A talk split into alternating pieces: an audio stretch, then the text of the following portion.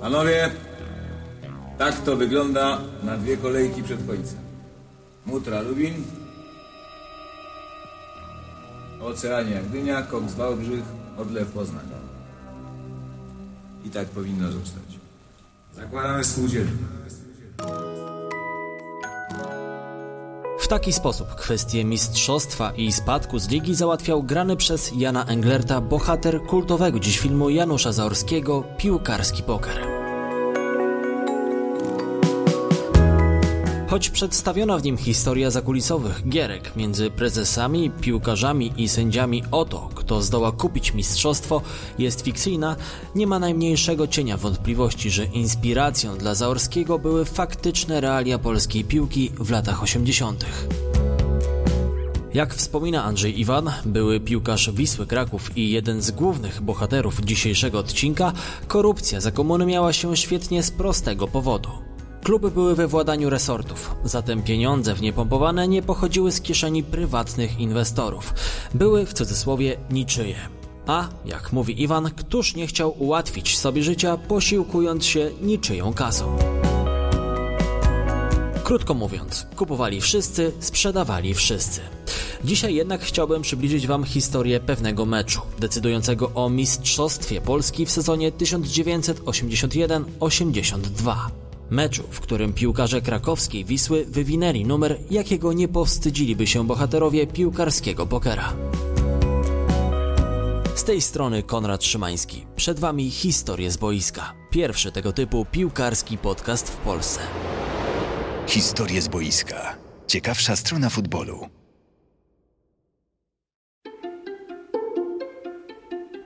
A skoro jesteśmy przy piłkarskim pokarze, to podejrzewam, że jeszcze niektórzy z Was mogą o tym nie wiedzieć, ale od jakiegoś czasu prowadzę quiz piłkarski o takiej samej nazwie, do którego zapraszam różnych gości ze świata piłki, ale nie tylko, i sprawdzam ich wiedzę, znajomość futbolu, nierzadko zadając trudne pytania.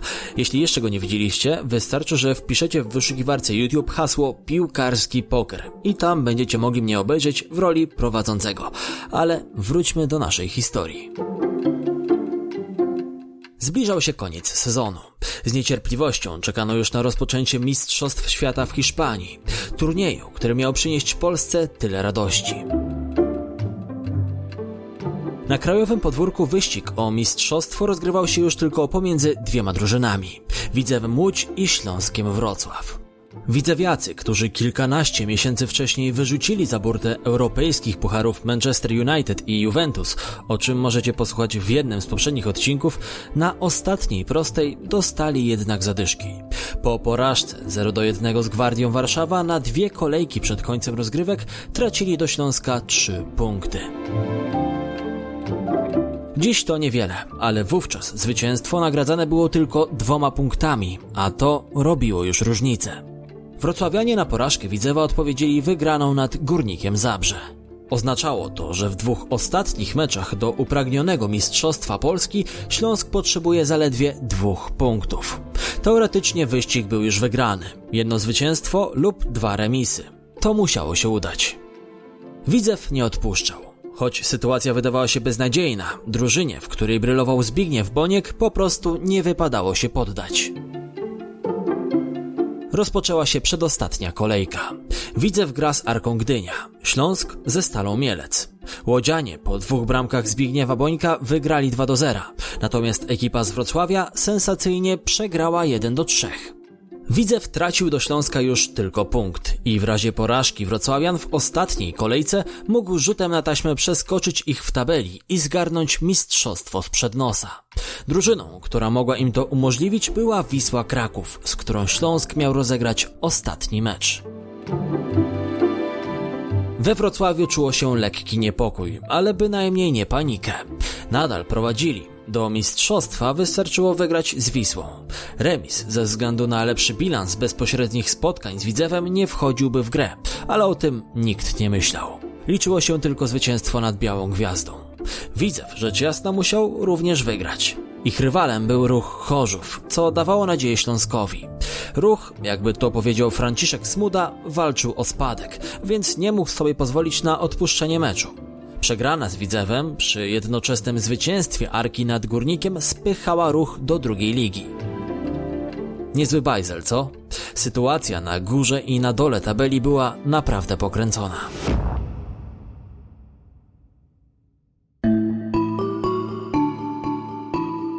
Przejdźmy zatem do interesów. Wiadome było, że i Widzew i Śląsk nie będą walczyli tylko na boisku.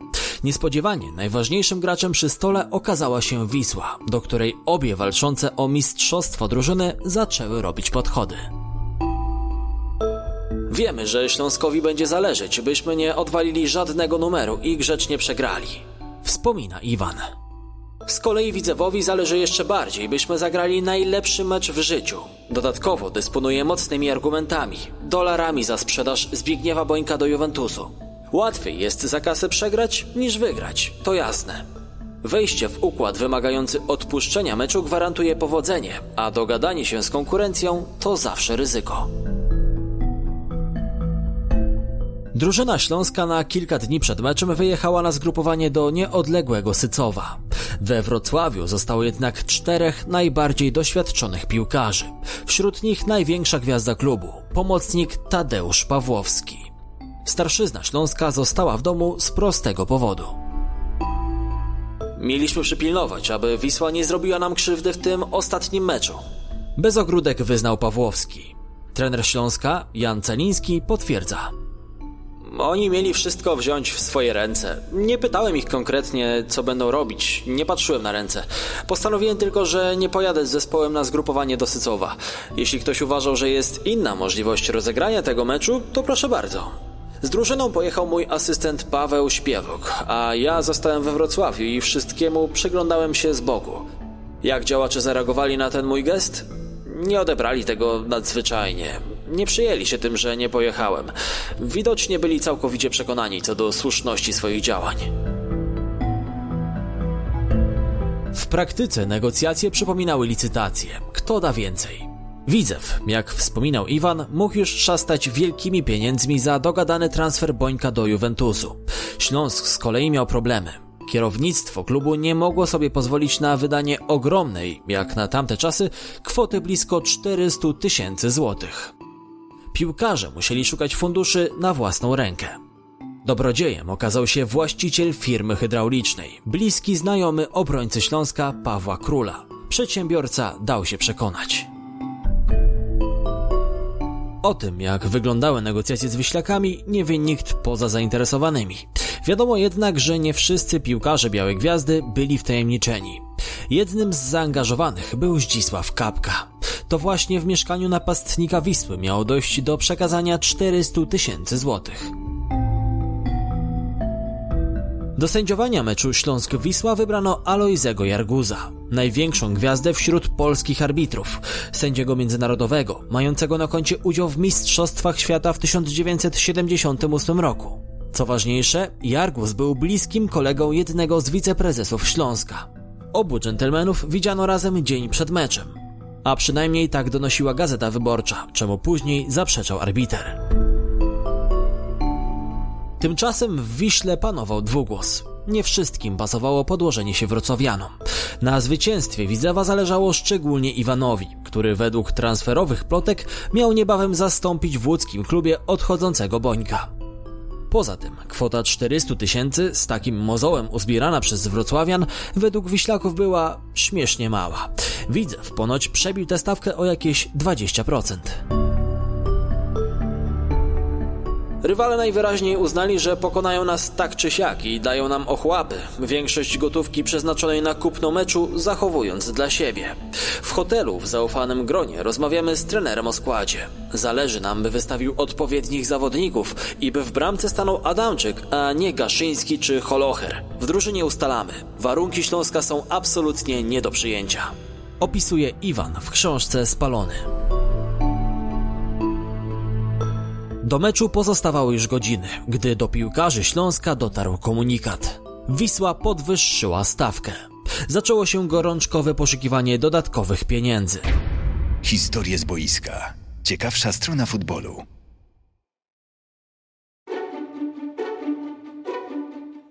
Jakimś cudem, tuż przed rozpoczęciem meczu w ubikacji budynku klubowego wtajemniczone partnerki piłkarzy Śląska i Wisły przekazały sobie całą kwotę.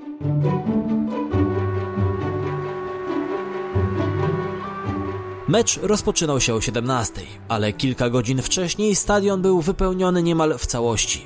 Kibice Śląska gromadzili się na ogrodzeniach, schodkach, barierkach, nawet na okalających stadion drzewach. Wszyscy chcieli zobaczyć wielką fetę.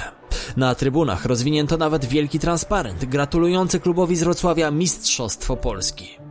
W lodówkach chłodziły się szampany, które za dwie godziny miały zostać odkorkowane. Kasa wpłacona, mecz rozpoczęty. Tymczasem widzewiacy na mecz z ruchem wyszli z kilkuminutowym opóźnieniem. Ta celowa zagrywka była oczywista. Łodzianie chcieli mieć kilka minut przewagi, by w razie czego reagować na wydarzenia we Wrocławiu. Pierwsza połowa obu meczów dobiegła końca. Widzew remisował z ruchem 1 do 1, a Śląsk niespodziewanie nadal bezbramkowo z Wisłą. Teoretycznie wszystko załatwione. Biała Gwiazda dostała pieniądze, a gdyby nawet działo się coś nieprzewidzianego, reagować miał sędzia Jargus. Trener Śląska, Jan Caliński, mimo wszystko czuł, że coś tu nie gra. Pewne rzeczy się wie i widzi. Wspominał po latach. Przy kilku akcjach zobaczyłem, jak Iwan składa się do strzału. On do przerwy oddał dwa bardzo groźne uderzenia na naszą bramkę. Widziałem, jak to zrobił i już wówczas byłem przekonany, że Iwan koniecznie chce zdobyć gola, a Wisła walczy z ogromną determinacją o jak najlepszy wynik.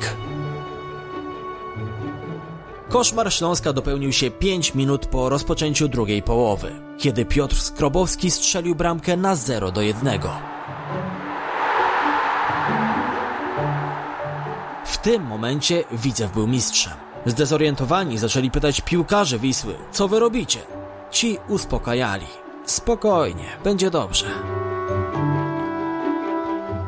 Ale wynik nie ulegał zmianie. Gra Wisły również. Iwan wciąż szarpał. Jan Jałocha nie odstępował na krok Janusza Sybisa, a klasą samą dla siebie był bramkarz Janusz Adamczyk, który raz za razem popisywał się fantastycznymi interwencjami po strzałach coraz bardziej nerwowych piłkarzy Śląska.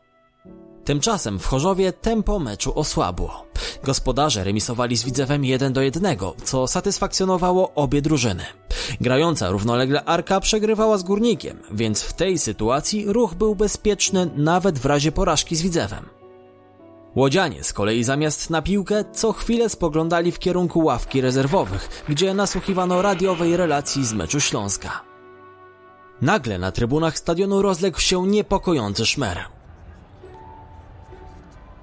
Ustał doping, a ławka rezerwowych Widzewa zaczęła nerwowo gromadzić się wokół odbiornika. Pozornie spokojna ławka Widzewa zaczęła żyć.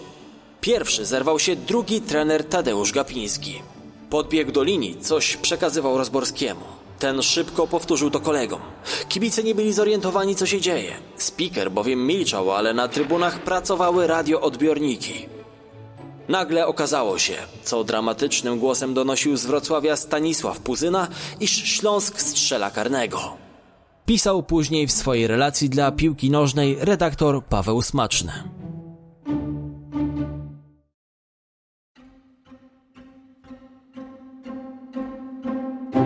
Wójcicki fauluje na wałkę, tymczasem Jargus stwierdza, że było dokładnie odwrotnie. Mówi Iwan.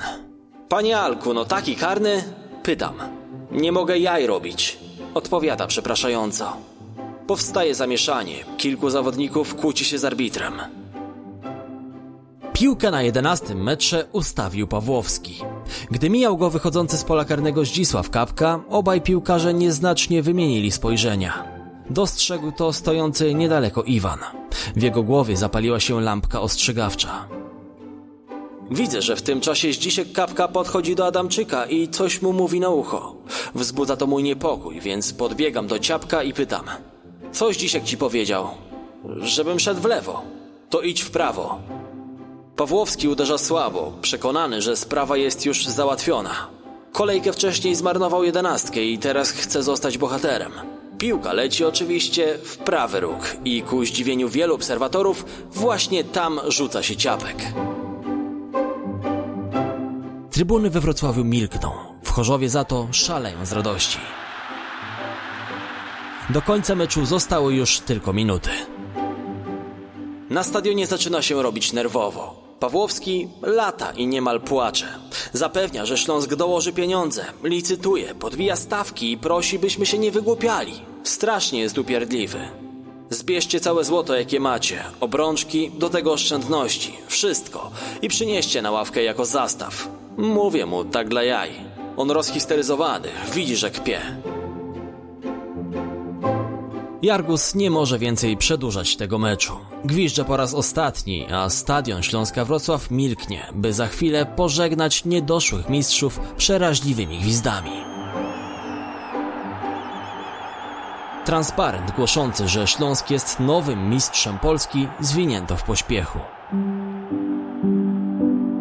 W klubowym budynku butelki szampana odkładane są z powrotem do lodówek, a Tadeusz Pawłowski jest w tym momencie najbardziej samotnym człowiekiem na świecie. To niesamowite, co się wydarzyło. Cały sezon graliśmy normalnie i podparliśmy tylko ten jeden, ostatni mecz. I właśnie ten przegraliśmy.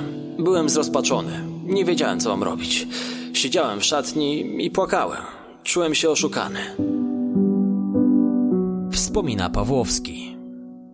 Tymczasem Wiślacy zorganizowali sobie mały bankiet we wrocławskim hotelu Nowotel. Po meczu okazuje się, że Widzew, który zapłacił Wiśle za zwycięstwo na Śląskiem, sam dostał w podziękowaniu trochę grosza od ruchu. Chorzowianom remis wystarczył do utrzymania. Jak podsumowuje Iwan, transakcja wiązana. Na cztery drużyny trzy się cieszą, tylko Wrocław płacze. Największym przegranym został rzecz jasna Pawłowski. Jego koszmar nie skończył się wraz z ostatnim gwizdkiem sędziego Jarguza. Gwiazda Śląska planowała odejście za granicę. Nie było lepszej okazji do pożegnania się z Wrocławiem niż zdobywając Mistrzostwo Polski. Rzeczywistość okazała się brutalna. Miałem już gotowy kontrakt i miałem przejść do francuskiego Lens, ale nagle zaczęły się problemy z moim paszportem. Nie chciano mi go wydać i nie mogłem wyjechać z Polski. Dziś wiem, że niektórzy działacze Śląska mścili się na mnie. W następnym sezonie graliśmy w europejskich pucharach z CSK Moskwa. Byłem w świetnej formie, ale siedziałem wtedy na ławce rezerwowych. Jednak trener kazał mi się rozgrzewać. Wtedy z trybuny honorowej zszedł jeden z wojskowych działaczy klubu i zabronił naszemu trenerowi wpuścić mnie na boisko. W kolejnej rundzie w pojedynkach przeciwko Servet Genewa też nie mogłem grać. Trener powiedział mi wprost: Wiesz, są naciski z góry i ty grać nie możesz. Na szczęście pod koniec roku dzięki znajomym udało mi się wreszcie dostać paszport i praktycznie natychmiast wyjechałem grać do Wiednia. Z Kapą znaliśmy się bardzo dobrze, chyba od 17 roku życia, gdy razem graliśmy w młodzieżówce. Byliśmy przyjaciółmi, ale od tamtego meczu z Wisłą nie rozmawiałem z nim ani razu. I już nigdy nie porozmawiam. Podsumowuję. Śląsk sam jest sobie winien. Odpowiada ze złością Zdzisław Kapka.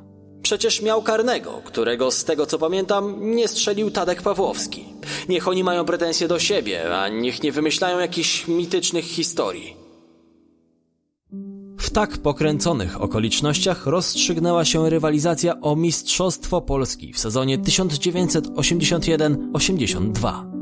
Oficjalnie nikt nic nie wie. Oficjalnie winni są ci drudzy. Oficjalnie wszyscy są uczciwi. Uczciwi, jak tylko uczciwi mogli być uczestnicy piłkarskiego pokera. Nie, nie, nie, nie, ja jestem uczciwy. Zapłacili za 3-0, będzie 3-0.